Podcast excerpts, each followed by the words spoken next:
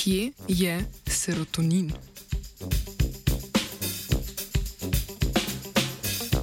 Raziskovalna ekipa je izdelala proteinski konstrukt, s katerim je lahko z veliko točnostjo in natančnostjo spremljala kraje oziroma dogodke sproščanja in delovanja serotonina, enega od pomembnejših žilčnih prenašalcev v možganih. Svojo proteinsko stvaritev je predstavila v reviji Nature Neuroscience.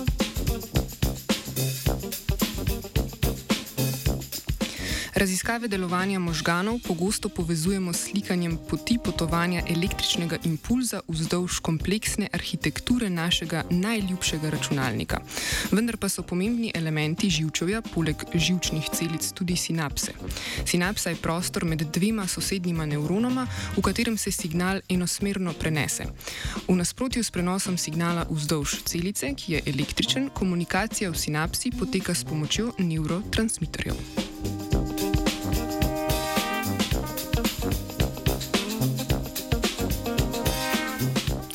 Iz presinaptične membrane se sproščajo žilčni prenašalci, ki jih membrana na drugi strani sinaptične špranje ulovi in interpretira naprej.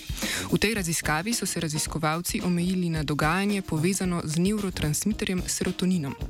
Raziskovalna ekipa je ustvarila takšen sistem, ki omogoča spremljanje izločanja žilčnega prenašalca serotonina oziroma Če se omejimo samo na živčevje, serotonin sodeluje pri uravnavanju razpoloženja, procesiranju spomina, spanju in mišljenju.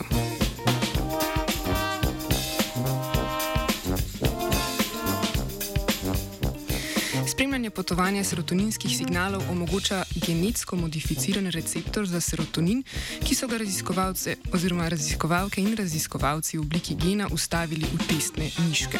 Receptor poleg domene za vezavo živčnega prenašalca sestavlja tudi fluorescentni segment, ki z visoko občutljivostjo, hitrostjo in resolucijo oddaja značilno svetlobo.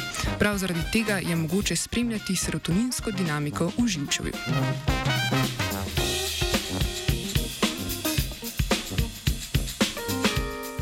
Ekipa je opazovala signaliziranje v možganih miške med naravnimi cikli budnosti in spanja ter po aplikaciji MDMA kot zunanjega psihostimulansa, ki deluje tudi na serotoninski sistem.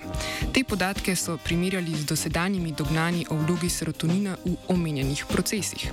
Spremljanje dinamike žilčnih prenašalcev in vivo nam bo v prihodnosti omogočalo boljše razumevanje poteka raznih fizioloških in psiholoških procesov povezanih z njihovim ravnovesjem ravnovesjem in neravnovesjem.